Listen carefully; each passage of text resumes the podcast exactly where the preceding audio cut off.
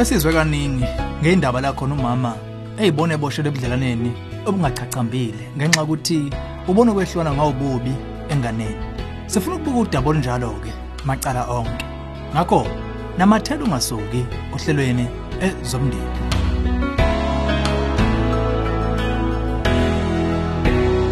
Angikubingelele. Ezomndeni uhlelo ukulethela izeluleko eziphathekayo ngabaka focus on the family. Sizophendula umbuzo ngomama osesimeni esinzima. Obuze wathi, "Ninazi impendulo ngomuntu ogaxele ebudlelaneni obuyimbidlizo?" Esokeni lami leminyaka eyisithupha. Ngiqeda kuthola nje umntwana. Besihlala sinqobuzana, kodwa ligaye ngomunye umhlati nje ekutheni sihlale ndawonye onyakeni nengxenye edlule. Icebo lethu kwakuhlanganyela indleko zerent nokunye. Okugcina kwenziwe yimi konke. Kade ngangifuna ukuphuma kulesi simo. Kodwa kuthe mangikhulela ngabona kusemqoka ingane yami ikhule seyumndeni. Sisendaweni namanje kodwa izinto zimaxhaphisho. Uyangihlukumeza enhlizweni futhi useke wangishaya kabili. Ngokweqiniso nje, ngiyesaba ukushiya indodana yethu inaye. Uthi uma ngimshiya ngeke ayondle ingane. Anginamndeni engabuyela kuwo. Ngenze njani? Okuchazayo kudaba lohlukumezo lwasekhaya. Sikhuthaza uthatha izinqumo ezinqala ukuphazima kweso. Ukuhlunyeza enhlizweni kubi. Singasayiphathi ke yokushawa ayimukeleki. Njalo kufuneka ungalokothi ubekezela ukushawa. Umgodi ongamele ungene kuwo lo. Inqobo phambili kumele kube ukuphepha kuqala.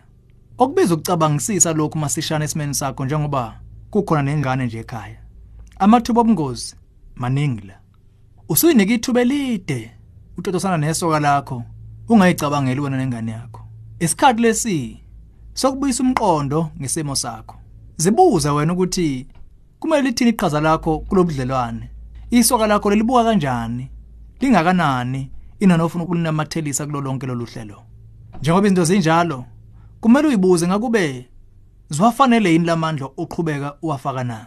Njengoba sibuka thina, wena ubhene nemithwalo emibili njengamanje.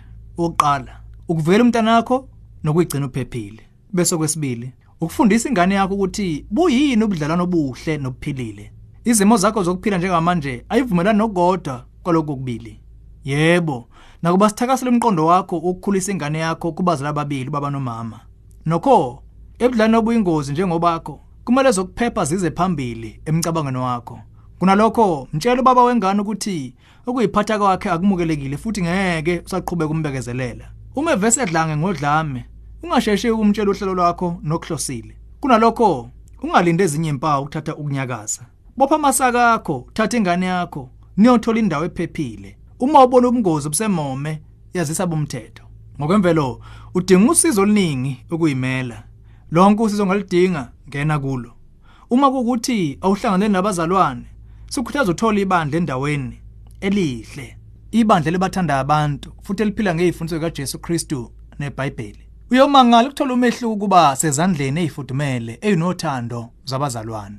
Siphinde futhi siphakamise ukuba ubona nomeluleki okufundele. Umeluleko uqweqwe uzokukhombisa ukuthi uluthwe kangakanani ubaba wengane futhi wagcina lelishwa usibenzela ingxenye yempilo yakho eyemukelekile nje. Umeluleki uzokufundisa ukuqapha inyoka isavele ngekhanda ukuze ungaphindwa impindamshaye. Umnyango wezoluleko kwa Focus on the Family ukulungele ukukunika uhla labaluleki abanohlonze abaseduze nawe. Ukukhuluma nongakulalela shayela ku031 716 3300. Thatha inyathelo ezisheshayo futhi uqinisekise ukuphepha kwakho nengane yakho kuseqhulwini kunakho konke okunye.